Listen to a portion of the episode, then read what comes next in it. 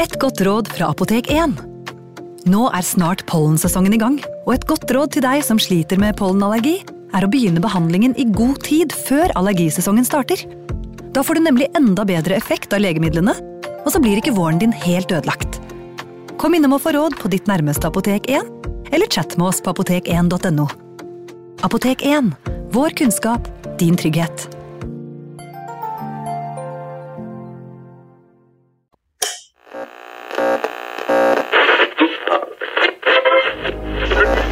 Vi skal gjenta særmeldingen i dag.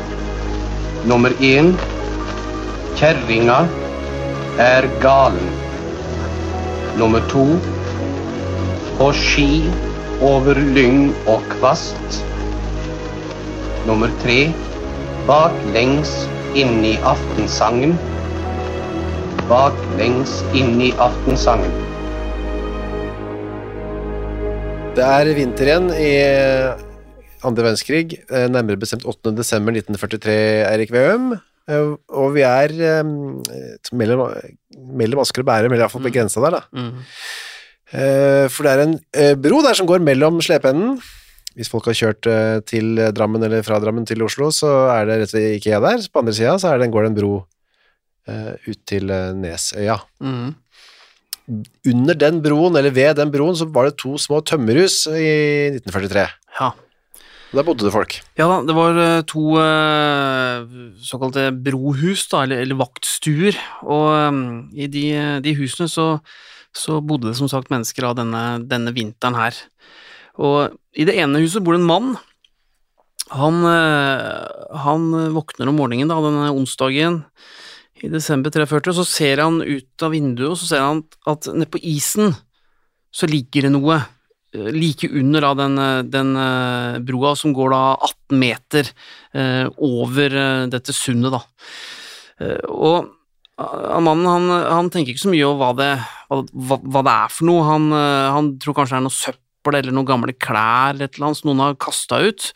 Så um, han ser bare i og for seg at det, det ligger noe der, og så tenker han at her har det her, her har det kommet is, for det er ikke så ofte at dette her sundet er Uh, har, har is, fordi det er mye strøm der, eh, som er ganske stri. Men, uh, men det har vært veldig kaldt da, de- de siste dagene før, før han ser det her, og da har altså eh, vannet frosset til i dette sundet. Og han gjør ikke noe mer med det, men det gjør naboen hans, altså en som heter Sofie Pettersen, 47 år. Ja, hun bor i den andre vaktstuen og, sammen med mannen sin. Og hun ser i og for seg det samme, eh, omtrent på samme tidspunkt. Og hun er jo litt mer nysgjerrig. Så sånn rundt klokka ni så går hun ut på broa og ser da ned på isen for å se hva som ligger der. Og samtidig så ser hun også at oppå broen, i snøen, så ser hun at det er, eh, det er blod. Blodspor. Og hun ser også at det er en del blod oppe ved rekkverket, og i og for seg også i, eh, i veien, da, eller altså der, der, der bilene kjører. Så etter hvert så ser hun nøyere ned på isen, og eh, da ser hun jo også hva som ligger der. Og det er jo et, det er jo et menneske som ligger på isen. Det mm, er, eh, ligger helt urørlig, så, så hun vet jo ikke om personen er død eller eh, eller eh, bare bevisstløs, men, eh, men hun ligger da oppå isen, og, eh, og hun går inn til, i huset sitt igjen og ringer politiet, som da kommer ut sånn cirka litt over klokken ni på morgenen. De finner at det er et menneske ja, som er dødt, og en kvinne, cirka mellom 25 og 30 år. Eh, hun har enten hoppet eller blitt kastet ned fra broen, regner de med da. Ja, det er jo den første teorien. Og det er jo da 18 meter fra broa og ned i vannet, eller ned, ned, ned, ned på isen, da.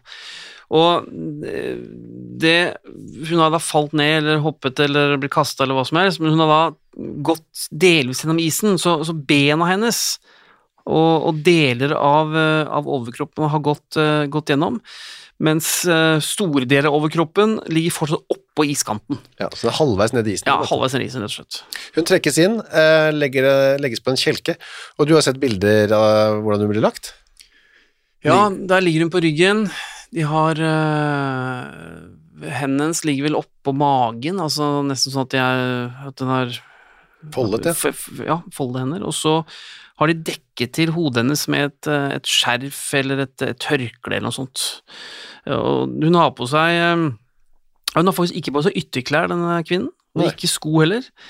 Men hun har på seg en, eh, en litt sånn sliten uh, tykk ullgenser, og så en strikkejakke, Gul strikkejakke. en gul strikkejakke, og et skjørt og undertøy, og så vanter. Eh, Det er veldig Altså, hun er blodig, og klærne er blodige, så hun har jo blitt påført noen skader, tydeligvis, da, eh, før hun eh, havna på isen. Og de ser jo at rundt hodet hennes så er det da noen som har surra et, et mørkeblått skjerf, og der, det er der blodet kommer fra. Altså, hun har blødd kraftig fra et, et sår oppi hodet. Og etter hvert så begynner politiet også å sjekke litt rundt området oppå broen, da, hvor, de, hvor de, da, de første blodsporene var observert, og da finner de flere blod, eller altså mer blod, og Ja. flere blodspor uh, i, i snøen. Og um, de ser at blodet har trukket godt inn i snøen, eller gjennom snøen, så de antar at det er noen timer siden uh, det der oppe på broa har skjedd, hva nå det måtte være. Ja. Og Du har ikke ligget der lenge, lenge. Det er bare det, det er snakk om timer, da. ja, for hun eh, Altså, de antar at i løpet av natta så Ja. har hun havna på der, eller eh, nede på isen.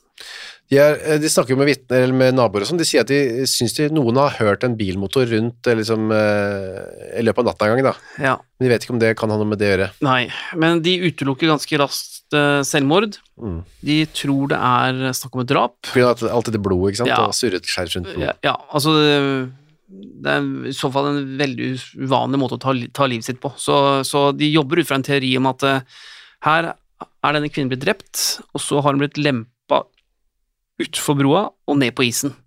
Og at de som gjorde det, hadde et håp om at hun skulle da gå gjennom isen Mm. og forsvinne uh, i den strie strømmen og, og, og videre ut i sjøen. Hadde det skjedd, så hadde historien eh, for mange av de involverte vært veldig annerledes, sannsynligvis. da. Mm. Men det ble den jo ikke. Hun ble obdusert av vår gamle venn eh, Georg Woller. Ja, han uh, fikk også hjelp her av en Mogens Svendsen av Det rettsmedisinske institutt, og den uh, obduksjonsrapporten er datert 10. desember 1943, og der står det at den døde kvinnen var 174 cm høy og hadde en kraftig kroppsbygning, står det. Mm. Men hun var ikke tykkfallen. Hun veide 61,8 kilo. Så sto det også at eh, denne kvinnen da var blitt skutt gjennom hodet med et eh, håndvåpen, og at skuddet var blitt avfyrt mot den høyre tinningen, ganske skrått ovenfra. Og så hadde prosjektilet gått gjennom eh, hodet hennes og ut nedenfor det venstre øyet. Og så hadde hun også en del skader på kroppen, men det var i og for seg litt uklart om dette hadde skjedd på grunn av at hun hadde truffet isen, eller at det var påført før hun ble skutt. Mm. Men man falt vel ned på at det var det første, altså at det var skader som, som var forårsaket av at hun hadde blitt kastet ut fra, en, fra denne broen.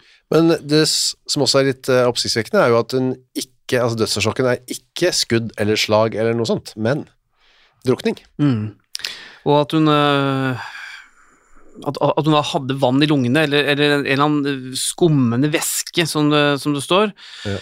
Eh, Det kan også være noe i og for seg hun hadde, hadde i magen som har kommet opp igjen, eh, men eh, konklusjonen til rettsmedisinerne blir da den at kvinnen var i live da hun ble kastet ned på isen, men at skuddskaden var samtidig så alvorlig at skuddlesjonen og skallebruddet med lesjoner av hjernehinner og hjerne ville senere ha kunnet føre til døden, men at det ble funnet væske i lungene hennes, og at det kan være drukning da som var, var dødsårsaken. Ja, for hun lå jo med overkroppen oppe i isen, så hun, men det må ha vært litt vann der eller et eller annet sånt? Da, Ja, og det gir ikke bildene eller uh, rapporten noen sånn veldig god forklaring på, annet enn at det da ble funnet væske i lungene, og at, det var, eh, at hun faktisk da var i live da hun ble, ble Eller kom ned på isen. Men at hun er død nå, er det ikke noen tvil om. da.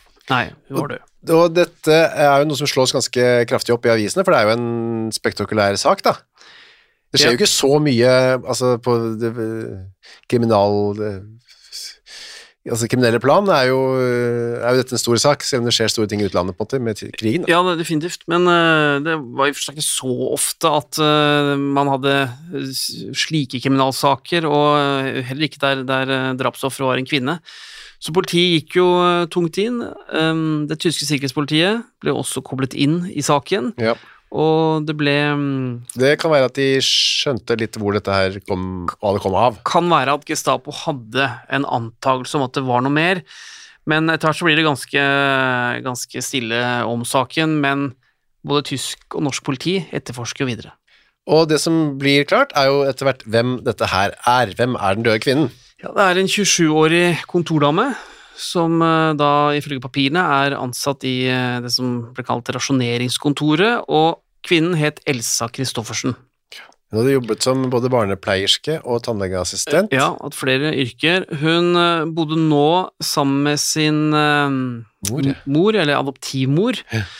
Hun hadde, hadde vært, også vært gift, men blitt Ja. skilt igjen. Hun hadde vært gift, men blitt skilt. Så hun bodde da i, på, bodde da i General Blix gate på Sankthanshaugen i, i Oslo. Ja, det er den General Blix gate, er den gata som går, hvis de er kjent, på, ved Idioten, den akebakken, opp i nærheten av veterinærhøgskolen der. Ned til, den går ned til General Birks gate. Mm. Så det, var- det var hennes eh, hjemtrakter. Ja, og pappaen hennes var, eh, var død, så moren levde jo alene da med, med henne. Hun hadde vært medlem av NS siden Mhm. 41. Ja, Hadde vært gruppeleder òg, så er det? ja så hun har i hvert fall vært eh, annen, hatt, eller hatt en lederfunksjon i et lokallag eh, i Oslo, men, men det ser ikke ut til at hun var spesielt aktiv i partiet, eller i partiarbeidet. Og um, hun var vel også eh, en av de som kun var etter hvert et sånt eh, medlem på papiret. Altså hun var ikke mye med i på, på, pa- eh, partimøter og sånn. Hun var jo da, som vi snart skal få nærmere innblikk i, en eh, Vi kan vel si en spesiell dame, da, Elsa Christoffersen. Ja da, det var hun.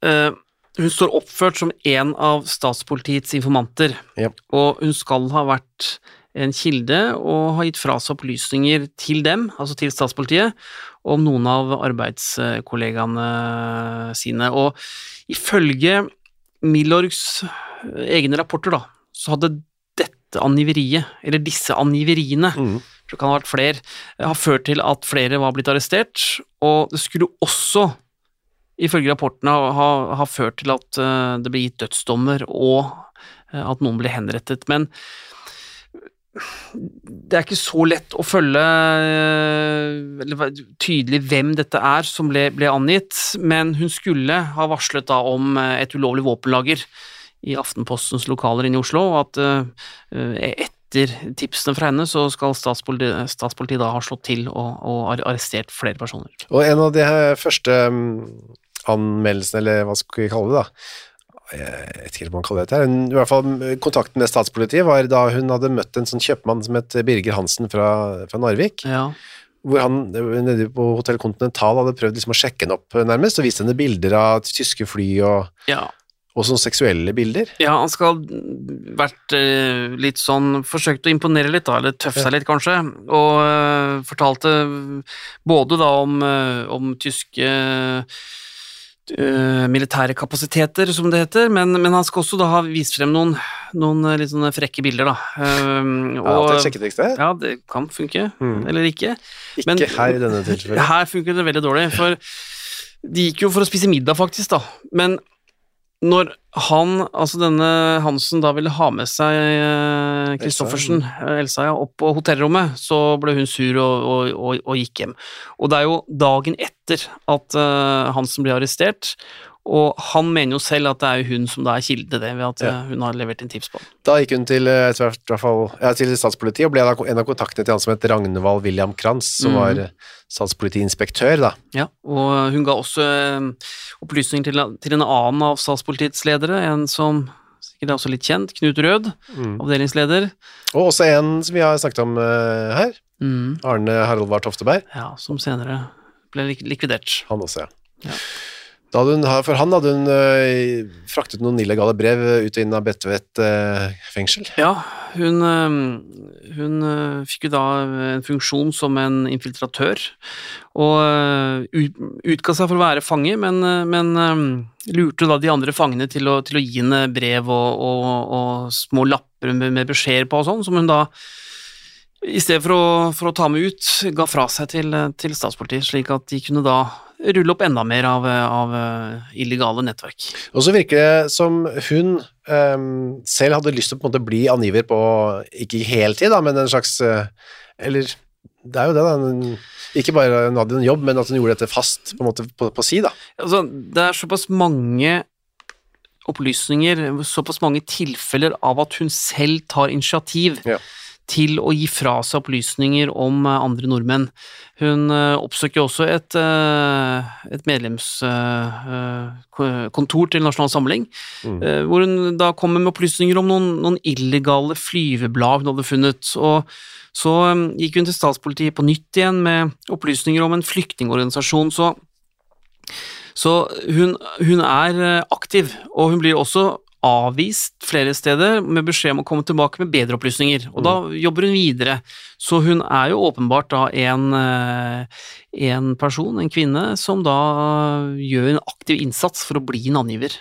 Du får, står det her, to, mellom 200 og 300 kroner for hvert oppdrag. Mhm. Eh, det er jo en øh, bra sum det da, ekstrainntekt øh, på den tiden der. Ja da, de betalte, de betalte bra for, eh, for opplysninger som kunne føre til noe. Og det sies her, i hvert fall i boka di, at um, en av de som visste at hun var angiver, var en som også jobbet for eh, motstandsbevegelsen, som het Mathias Løvstuhagen. Ja, han er jo da ansatt i eh, statspolitiet, og er en av i og for seg de såkalte muldvarpene som er plassert inn der, så det er jo han som fanger opp på et eller annet tidspunkt at Elsa Christoffersen da er en av eh, kildene, informantene til, eh, til statspolitiet. Ble også arrestert i 1942, desember, altså et år før hun ble drept da. Eh, sannsynligvis eh, som en sånn fiktiv, for å få henne inn på Bredtvet, sånn hun kunne jobbe som eh, provokatør der. Ja, altså det står i strafferegisteret at hun er arrestert, Mm. men trolig så er dette en, en fiktiv arrestasjon for å få henne da innenfor murene, så hun kunne jobbe derfra. Men, men det står på rullebladet hennes at hun ble, at hun ble arrestert da. Mm. Uh, ja, uh, hun satt uh, arrestert et par uker for falsk anmeldelse. Og så eh, skriver, sier han der Ragnvald Wilhelm Kranz da, etter hvert at eh, frøken Kristoffersen virket svært eventyrlysten og overspent. Ja, og det, det finnes flere rapporter eh, på eh, andre nordmenn også, som, som tyder på at de, de er eh, spenningssøkende. Ja. Det er kanskje ikke så mye ønske om å hjelpe nasjonal samling eller tyskerne til å vinne noen krig eller, eh, eller håndheve okkupasjonen, men mer at de har lyst til å være en del av noe de syns kanskje er litt spennende. Men eh, det står også i papirene hennes at eh, hun hadde kommet med opplysninger som de mente bare var tull, Ja. og at hun også hadde en del økonomiske motiver for å, å bli angiver.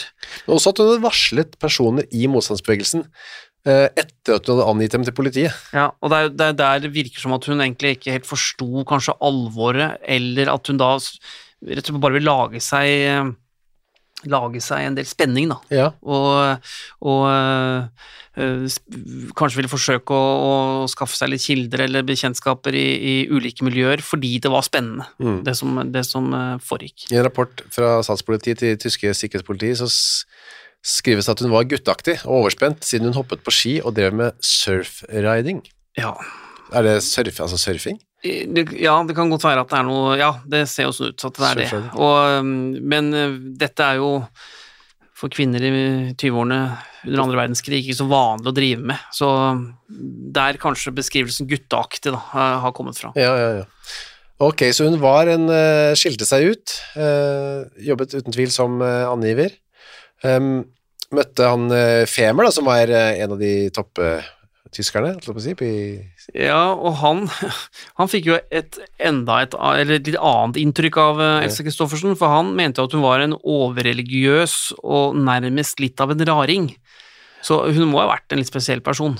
Det er det ikke noe tvil om. Og da, eh, ut, altså uansett eh, hva som eh, er motivasjonen og ikke, så er hun på, etter hvert på en liste da, til um, motstandsbevegelsen Ja, over folk som bør tas livet av. ja det, er, det er riktig. Hun havner der. Så er det et uh, gjennombrudd i etterforskningen av um, drapet på henne. Og det er 27. april 1944. Da er det en pressekonferanse i Oslo. Mm. Og uh, der uh, kalles journalistene inn, og der er jo overskriften, da, som i og for seg Aftenposten har dagen etterpå, at de norske terroristorganisasjoner, en avgrunn av ufattelig råskap og kynisk brutalitet. Ja. Og der heter det jo at man da har avslørt en såkalt terrorgruppe, som da etter hvert har innrømmet hva de har drevet med, og som da beskrives uh, som, som ondskap og terror. Det er altså en uh, Secret Service som har uh, trent opp norske agenter i sabotasje og mordtaktikk.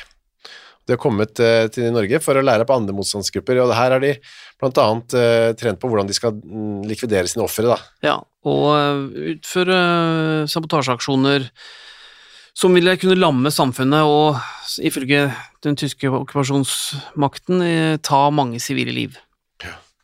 Um, og så sies det her dette må nå alle, hvor uangripelig de enn innbiller seg å være, gjøre seg fortrolig med, og de nordmenn som får betaling opptrer som snikmordere overfor uskyldige landsmenn, kvinner og barn, for dem er bare én straff mulig, døden. Mhm.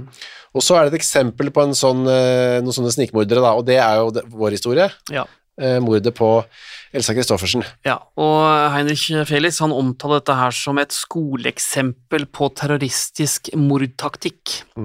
Og det viser seg jo da at denne, denne gruppen på disse fire norske britisktrente eh, ja, kall det agenter, da, de hadde jo da stått bak likvidasjonen av Elsa Kristoffersen. Dette har de nå funnet ut. Dette har de nå funnet ut, og som de da forteller på denne pressekonferansen. Denne gruppen eh, kaltes for Goldfinch. Jepp. Uh, og de var altså oppsendt egentlig til Norge for å drepe noen andre folk. Ja da, de hadde eh, noen andre navn på listene sine. Den ene var jo statspolitiets lege, han het eh, Hans Eng. Og så var det en av eh, inspektøren i statspolitiet, denne Ragnvald William Krantz som vi hørte om i stad, Yep. som også var da en av eh, dem som, eh, som Elsa Kristoffersen rapporterte til, men de greide ikke det. Dette ble jo da to mislykkede eh, likvidasjonsforsøk, og så står det da i rapporten disse fire skrev etterpå, Mm. at når de ikke greide de to målene de hadde, så skrev de da i rapporten at eh, de sjaltet så over til en mindre størrelse som ville være enklere å ta. Dette for å vinne erfaringer, samt muligens å finne andre metoder for angrep av disse personer. Det lykkedes, og den de da snakker om da, det er jo Elsa Kristoffersen. Ja, og det er det de sier, at de velger seg henne nærmest for å øve seg på å likvidere. Ja, det er jo det de, de skriver, da. Eller, eller for å vinne erfaringer, men det er jo det er jo det, er jo det å øve. Så det er jo en spesiell historie, for å si det på forsiktig, da, egentlig. Ja, dette er jo da fire menn eh, som eh, har eh, bakgrunn fra Eller som er trent av Kompani Linge I England, ja. i England, og har kommet da, da over hit. Og Hvem var de? Den ene som leder denne gruppen, han heter Tor Greiner Stenersen. Han eh, er jo 26 år, kommer fra Oslo. Han er jo en tøffing, veteran fra vinterkrigen i Finland. Eh, Han hadde da rømt til Storbritannia etter eh, angrepet på Norge, og gått da inn i Linge, hvor han etter hvert faktisk ble løytnant, så han fikk jo en, eh, en, eh, en offisersgrad også, og hadde jo vært med på flere aksjoner, blant annet Måløy-raidet mot, eh, mot Norge i romjula 41. Nestkommanderende for gruppa het Martin Olsen, han var fra Drammen, litt yngre, 23 år, var fenrik i Kompani Linge, og vært med helt siden mars eh, 41. Og så var det to andre som også var med, men eh, de hadde nok eh, litt mer støttefunksjoner, altså som sjåfør og vakt og sånn. Det var Jan Allan og så en som het Oddvar eh, Sandersen.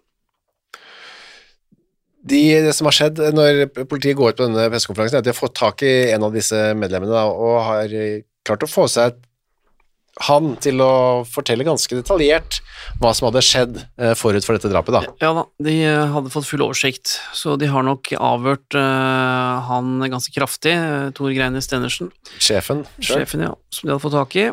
Og uh, det de da fikk av forklaring, var at planen til disse fire var jo å kidnappe Elsa Christoffersen fra leiligheten der hun bodde sammen med, med adoptivmoren sin, Mm. Og kom da dit ved halv sju-tiden om kvelden da den, den 7. desember i 1943, og visste jo godt hvor hun bodde, eh, var oppe i tredje etasje, og selvfølgelig også adressen da, eh, Mm. General Dirks gate 24. Da er det, de kjører bil, så er en, menn, en av mennene er sjåfør, sitter i bilen, Mm. som står litt opp i gata. Ja. Og så er det en, ha, en inngang til en hage som lå foran denne bygården. Da. Ja, og ca. 15-20 meter å gå fra, fra gata og opp til hoveddøren. Og så er det da to av de mennene som da går inn, sannsynligvis er det jo da Stenersen og, og Olsen, Olsen, Mm. som går da øh, inn, og, inn i, i, i gården, og, eller inn i bygården, og banker på døra etter hvert. Mens tredjemann står, står igjen utafor som vakt. Ja, han står, øh, ja, og hoveddøra er trolig åpen, fordi øh, det er fortsatt tidlig på kvelden, så den var neppe låst for natta, så de hadde da kommet seg inn øh, gjennom hovedinngangen på gateplan der. Så går de opp til eh, tredje etasje hvor eh, Elsa og moren bor. Mm. En går opp, eh, helt lenger opp, så gjemmer seg litt når Ja, døra skal det åpnes. står etasjen over, ja, som en sånn, ja, en sikring kanskje, eller At det ikke skal stå to fremmede menn utenfor, kanskje, når de Ja. dukker opp. Og um, Ringer på døra. de ringer på døra, og der åpner jo adoptivmammaen, Alfhild. Ja. Og um, mannen som står utenfor, han uh, sier jo da at han har med seg et brev til Elsa Christoffersen som han må gi henne personlig. Men uh, moren sier da at uh, datteren ikke er hjemme, men at hun er tilbake ved nitiden samme kveld. Så øhm, ja, øh, det forklarte jo Det, det ble ikke snakket så mye mer der ute, annet enn at øh, mannen da takker for seg og, og sier at han skal komme tilbake litt, litt senere. Mm. Og da går alle ned og setter seg i bilen og kjører av gårde. Ja. Vekk fra Sankthanshaugen der, da. Ja, og planlegger da å komme tilbake senere på kvelden. For de ble sagt klokka ni. Men allerede klokka sju kommer jo Elsa hjem, ja. Ja, og en time etter det igjen, klokka åtte, så kommer da de fire mennene tilbake uh, i bilen. Men før det så sier jo moren uh, til Elsa Du, det var en mann her med et brev som han sa han måtte levere til deg personlig. Ja. Uh, men da, da sier hun etterpå, dette ifølge moren senere, da, hun ble så spent at hun hadde rent vondt i maven. Ja, og igjen da så bekrefter det bare at Elsa Kristoffersen syntes dette her var veldig spennende. Med, med alt som var litt hemmelig og, og sånn. Så, um, og, og det mest spennende, som hun også sa til moren, var at eh, brevet måtte overleveres personlig. Ja. Så um, Det kan være også, det skal vi komme til, at hun etter å ha tenkt seg litt om, syns det ble litt for spennende. ja, For da, en og det time, ble det jo. det ble det jo. En time senere, klokka åtte, så kommer de tilbake igjen, disse fire, da. Ja, og um, nå har de da tenkt til å ja, spane på bygården, rett og slett. eh, Følge med på når Elsa Christoffersen eh, kommer hjem. De vet jo, vet jo ikke da at hun allerede har kommet hjem. Ellers blir sittende ganske lenge. Ja, og først ved titiden Mm. eh, så bestemmer de seg for å, for å banke på på nytt. Det har de jo selvfølgelig ikke sett, eh, sett eh, Elsa Christoffersen. De har eh, heller ikke sett henne i noen vinduer og sånn, så de, de vet jo ikke at hun er der. Men de prøver da å, å ta kontakt for siste gang før de, før de da eventuelt gir seg. De vet for øvrig heller ikke åssen hun ser ut, da. Nei, det er, det er, nei, det vet de ikke. Så noe av uh, hensikten med å si at de skal levere et brev personlig, er nettopp for, til å få henne til å bekrefte at det er henne. Mm. Så de skal ta med seg uh, riktig kvinne. Ja, for noe annet hadde vært en grusom tabbe. Ja, det, det hadde vært en tabbe. Og hun skulle jo kidnappes og avhøres uh, først, så da var det jo om å gjøre å få henne, få, få henne med seg. De ringer på på nytt. Nå må de jo ringe på nede, da, for nå er jo inngangsdøra mm, altså, ho- hoveddøren låst, så de må, de må ringe på nede. Og um, nå har jo da moren kommet gående ned fra trappene, eller altså ned trappene fra tredje etasje. Åpner opp, og nå sier hun at eh, Elsa, datteren, ligger inne og er syk. Ja, hun har kommet hjem, men er hun har kommet hjem, men er blitt syk. Og han som står utenfor, da, han insisterer jo på å få snakke med henne, og vil da, må overlevere dette eh, brevet helt personlig. Og etter hvert, er litt diskusjon da mellom moren og, og, og denne mannen, Ja. og etter hvert så gir hun etter, og sier, altså moren, og sier at ja, jeg skal gå opp og hente henne. Og eh, hun er jo da ikke klar over at det er jo da siste gang hun skal få se datteren sin i livet. Hun beskriver han mannen da, som etterpå 1,75 eh, Ja. høy, Og, kraftig bygget. og så hadde hun noe hun beskrev som et skarpt ansikt. Og så sa hun at han var ganske pen, Brune øyne, en frisk hudfarge. ikke sant? Uh, ja. Nei, det kan ha vært eh, Grenersen, dette. Vi vet jo ikke det helt sikkert, eller? Det, det kan ha vært eh, en av de to, Olsen eller, eller uh, Stenersen. Og de skjønner jo da at hun har kommet, kommet hjem, men, eh, men eh, får ikke noen god forklaring på hvorfor de ikke oppdaget henne, men det var jo fordi det da ikke var der når hun kom. Mm. Og det som også moren forteller etterpå, er at denne kvelden her så virket jo også Elsa Christoffersen nervøs. Hun øh, Altså urolig. Og hun sa jo Det stemte jo i og for seg at hun hadde gått tidlig til sengs, for hun følte seg ikke bra, men øh, det var muligens noe som plaget henne, uten helt at moren øh, fikk vite hva det var. Men, men det som kom frem senere, var jo at Eh, Elsa Christoffersen denne kvelden hadde forsøkt å få kontakt med eh, sine kilder i statspolitiet, Mm. uten at det, det lyktes. Så det kan jo være at hun hadde fått noen signaler, eller forsto at det begynte å bli farlig for henne. Ja. Uansett så går hun med på å gå ned og hilse på denne mannen, da, få dette brevet. Ja. Går da, får vi tro, ganske mm, nervøst ned til inngangen hvor denne mannen står. Ja, kommer ned trappene. Hun, eh, eller som mannen eh, som venter på henne sier etterpå, hun var innekledd. Mm. Altså hun hadde ikke kledd seg for å gå ut, og hun hadde på seg tøfler og et brunt og gulrutet skjørt samt en gul strikkejakke. Ja. Og da er det jo mannen som står og venter på henne, på henne eh, Stenersen, som spør om hun er Elsa Christoffersen. Og så svarer hun ikke så mm, tydelig, er det det som skjer? Hun har i hvert fall ikke noe sånn veldig godt, får ikke noe godt svar på Får ikke veldig tydelig bekreftelse. Ja, ja, det han forklarte etterpå, det var jo at han, eh, han fikk ikke helt Altså, han, han ga litt utydelig svar hva hun hadde svart, men hun fikk i alle fall øh, denne konvolutten. Ja, hun, han strakte hånden fram. Ja, øh, her, den er til deg. Og hun tok den. ja, hun tok den. Og bekrefta, må vi da tro, at hun var Elsa Christoffersen. Og så takket hun, men ifølge det Steners fortalte etterpå, så sa kroppsspråket hennes at hun var tydelig mistenksom overfor denne ukjente mannen. Ja. Og hun forsøker da å rygge bakover og innover i, eh, i, i gangen Og lukke døra. og lukke døra. Men han, denne mannen da, som har gitt henne konvolutten, og som nå står i døråpningen, han eh, setter da foten ned slik at ikke døren går igjen, Mm.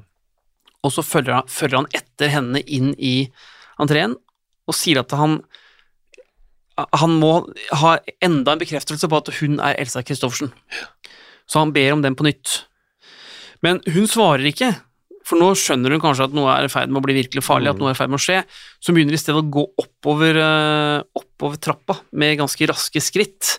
Det er da han, eh, denne mannen da, eh, løper etter henne og eh, drar henne i skulderen, sånn at hun da snur seg rundt og står da med ansiktet mot han, og så slår han henne ganske hardt eh, i ansiktet med, med knyttet neve, På haken, ja. ja, sånn at hun svimer av ganske umiddelbart.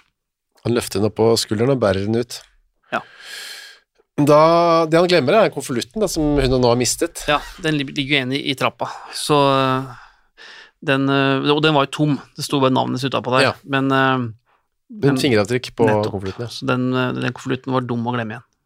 De, han kommer gående ut med Else Christoffersen over skulderen, og da er det jo om å gjøre å komme seg litt fort unna, da. For Ja. nå er hun også i ferd med å begynne å våkne. Ja da, hun er jo øh, tydeligvis ganske robust, hun, da, hun, øh, det gikk ikke mange sekunder før hun kvikner til, og, og de begynner å starte opp bilen, men, men hun, øh, hun lager noen lyder og stønner og, og sånn, sånn at øh, de skjønner at hun er i ferd med å våkne opp igjen. Og det som da skjer, er at en, altså han som ikke bærer henne, men går like bak, han begynner å slå henne i ansiktet på nytt, for at hun skal svime av en gang til. Men, men det, det, det biter ikke på henne, for hun begynner faktisk da å, å kjempe litt imot. Skjønner jo at hun, hun bæres øh, ut, og øh, vil jo ikke det. Så øh, Men de er jo fire, og hun er jo, hun, er jo alene, så hun, hun må, må, må gi tapt. da. De, de kjører av gårde med henne, og hun er jo da kidnappet.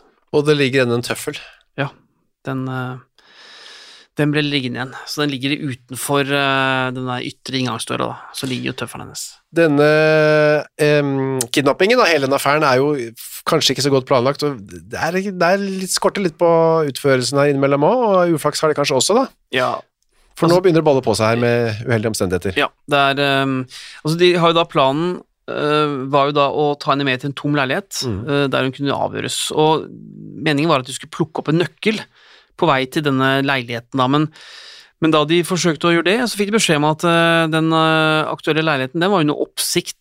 Altså, den, den øh, fulgte statspolitiet eller det tyske sikkerhetspolitiet med på, så dit kunne de ikke dra. Og så la de om planen og prøvde å finne seg en ny leilighet for å ta dette avhøret, men, men der bodde det folk, så den kunne de ikke dra til. Og så, så øh, bestemte de seg for å prøve en tredje mulighet, men samtidig ble de jo mer og mer nervøse nå, fordi hvis det ble oppdaget at de hadde kidnappet denne kvinnen, øh, så, øh, så lå det jo dårlig an. Så øh, de, øh, de ville heller ikke ha noen vitner til dette avhøret, for det kunne jo i og for seg bli eh, litt voldsomt. Så, mm. så de fortsatte da utover natta å lete etter eh, steder å plassere Elsa Kristoffersen. Kjøre rundt i den bilen. Kjøre rundt, ja. Um, etter hvert så bestemmer de seg for å ta henne med til en hytte utenfor Oslo. ja. Men det må også skrinlegges, for det var så mye snø der, så de kunne ikke kjøre bil. Ja, så de kommer seg ikke dit. Så da har de et slags avhør, improvisert avhør inne i bilen, da. Ja, og um, hun um, har jo nå kvikna til uh, og skjønner alvoret i situasjonen, og får en del spørsmål som hun svarer uh, greit på. Og hun, uh, hun navngir flere andre angivere og, og kildene som uh, hun kjente fra, fra samarbeidet med statspolitiet. Mm. Så der gir hun nyttige opplysninger, for her snakker hun også om personer som tidligere var ukjente for, for motstandsbevegelsen. Men etter det syns de at de kan likvidere henne. Ja, på et tidspunkt her så bestemmer de seg for at han skal da uh, At de skal ta livet av henne. Det er litt vanskelig å skjønne det her også. Hvorfor skal de gjøre det nå? Ja, fordi, har- er det nå fordi hun har sett dem videre, da? At de føler at de må det, eller? De vet, hun vet åssen de ser ut? Det kan være en forklaring, eller at det rett og slett er for vanskelig å holde på henne. Altså, De har ingen steder å plassere henne. Um, hun er jo Altså, det nærmer seg eh, morgen, altså klokka er tre om natten uh, idet de bestemmer seg for å, for å ta livet av henne. Så at um, om morgenen så måtte de jo bli kvitt henne på et vis. Og ja, de hadde, hun hadde åpenbart sett eh, hvem de var, så det er nok noe av forklaringen på at de bestemte seg for å, å, å drepe henne. Så kjører henne sannsynligvis eh, til, eller ved denne brua over til Nesøya. Og da er eh, planen å drepe henne, og så kaste henne ned i sjøen, da. Ja, men eh, de hadde jo ikke tatt med seg noe, et tau eller noen sekk som de kunne legge lik i. Og de hadde i og for seg tatt med seg en stein som de skulle feste til liket, slik at hun sank ned i sjøen når de kastet den utfor. Men eh, den hadde også blitt eh, altså Den hadde falt ut av denne lasterampen bak på bilen. Ja.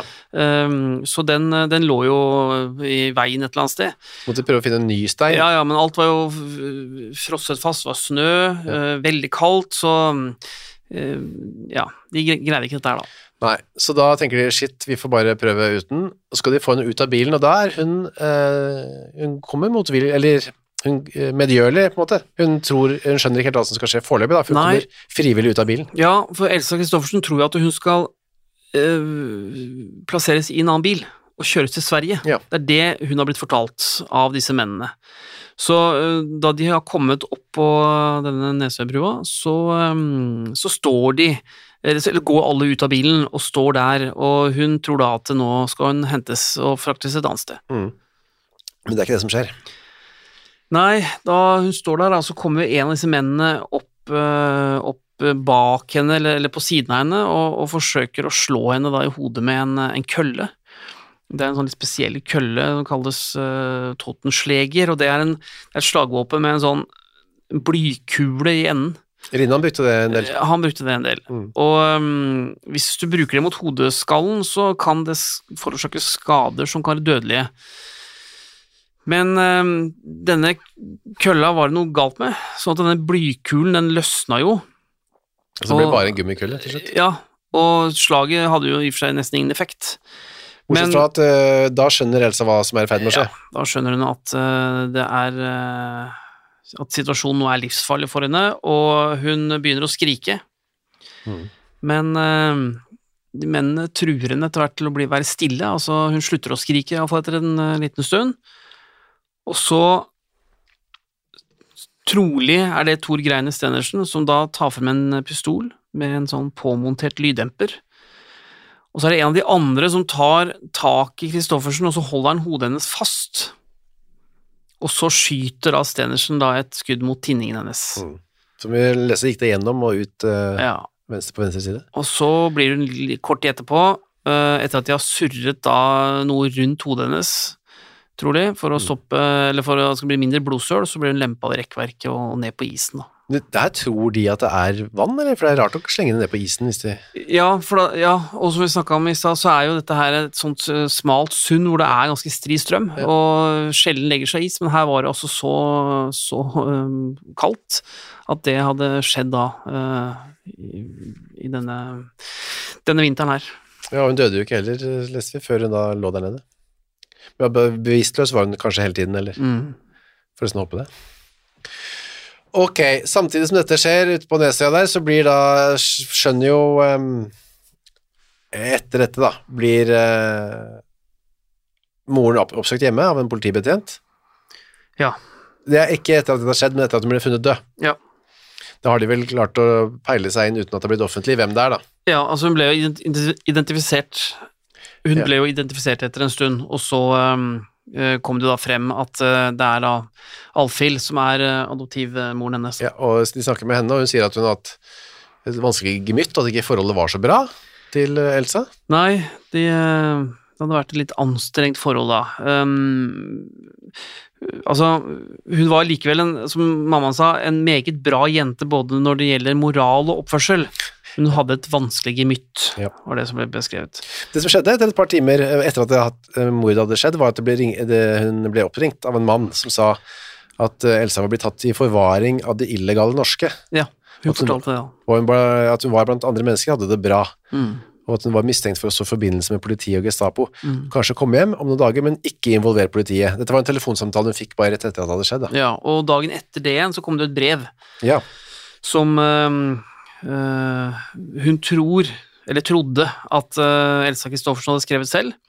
Og der sto det at øh, kjære mor, når du får dette brevet er jeg i Sverige. De som hentet meg syns det var best slik. Har hittil hatt det bra i alle måter. Vær ikke engstelig, alt retter seg til det beste. Hils kjente, og vær hermed kjærlig hilset fra Elsa. Litt pussig norsk på slutten her, men ja. men uh, brevet trodde hun da var skrevet av Elsa Kristoffersen, og det kan i og for seg også være riktig, men uh, da har det sannsynligvis skjedd under tvang. Mm. Dette var jo for at hun skulle be, bli beroliget, da, ikke Ja, altså De hadde kanskje da håpet at det liket skulle forsvinne Ja. ned, ned i isen og bli borte, og at moren da ville tro at eh, datteren var eh, dratt til Sverige, og ikke gjøre noe mer med saken. Det var jo ikke unormalt at folk dro til Sverige. Nei. Sånn gikk det jo ikke helt, da. Nei. For å si det mildt. Det, det som skjer, da, er jo at eh, Goldfinch går i dekning etter den aksjonen, og Stenersen og Martin Olsen, de to liksom lederne, går i en leilighet på, i Drammensveien 117. Mhm. Eh, dette er en spennende historie om hvordan de blir arrestert, for det blir de i en aksjon. Det er en annen motstandsmann som blir arrestert, og som oppgir den adressen som en sånn dekkleilighet. Ja. Og det blir jækla dramatikk der med skuddvekslinger og alt mulig slags. Ja, det er en voldsom uh, hendelse, og det ender jo med at Martin Olsen han uh, kommer seg uh, unna, greier å flykte, mens Tor Greiner Stenersen har blitt skutt i benet og i hodet, overlever eh, den, men blir da tatt til fange. Og det er jo der mye av Ja. forklaring på Elsa Christoffersen kommer fra. Den, Avhør eh. Hvordan det gikk, kan man, det kan man lese om i De kalte dem rottejegere, da. eh, alle detaljene i den der aksjonen der. Ja. Men um, uansett, ja. I den leiligheten så ligger det også veldig mye rapporter og dokumenter og alt mulig sånn som er veldig ødeleggende for den delen av motstandsgruppen. Eh, og i tillegg da blir Stenersen eh, avhørt og forteller da alt om den aksjonen. ja. Det er det som skjer. Eh, Så det kommer på det rene, og da er det jo er jo ikke helt ferdig for Tor Greiner Stenersen. Han, han prøver å rømme. Ja, han overlever jo for da sannsynligvis en form for behandling på sykehus, men øh, forsøker å rømme, og blir da under det rømningsforsøket skutt og drept, og det skjer vel da lørdag den 1. april, og det er altså da i 1944. I Kongens gate, rett utenfor eh, festningsmuren, satt på Akershus. Mm, Rett ved der hvor vi sitter og spiller denne podkasten, faktisk. absolutt, det er ikke så langt unna. Da ble det han båret tilbake, og døde der, da. Og gravlagt 12. juni 1945, Mm. og fikk krigskorset, gitt, med sverd og krigsmedalje. Ja, Han er høyt dekorert. Og eh, alt hadde sett veldig annerledes ut hvis ikke isen hadde lagt seg under uh, brua over til denne desembernatten. Ja, hadde det døde Altså hadde Elsa Christoffersen, kroppen hennes, gått gjennom isen og, og blitt med strømmen eh, ut i sjøen, så hadde hun kanskje ikke blitt funnet. Da hadde nok denne historien her eh, vært annerledes for de som da ble Som da utførte denne likvidasjonen, og som da senere ble, ble tatt. Takk for denne ukas eh, opplysninger fra de harde krigsåra. Jo, selv takk.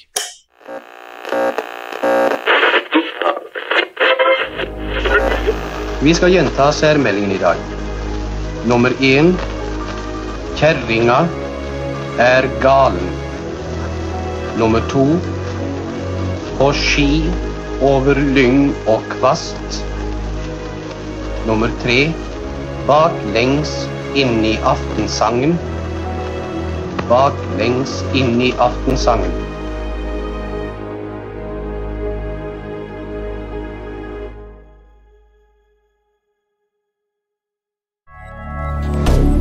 Moderne media. Har du et enkeltpersonforetak eller en liten bedrift? Da er du sikkert lei av å høre meg snakke om hvor enkelt det er med kvitteringer og bilag i fiken, så vi eh, gir oss her, vi. Fordi vi liker enkelt. Fiken superenkelt regnskap.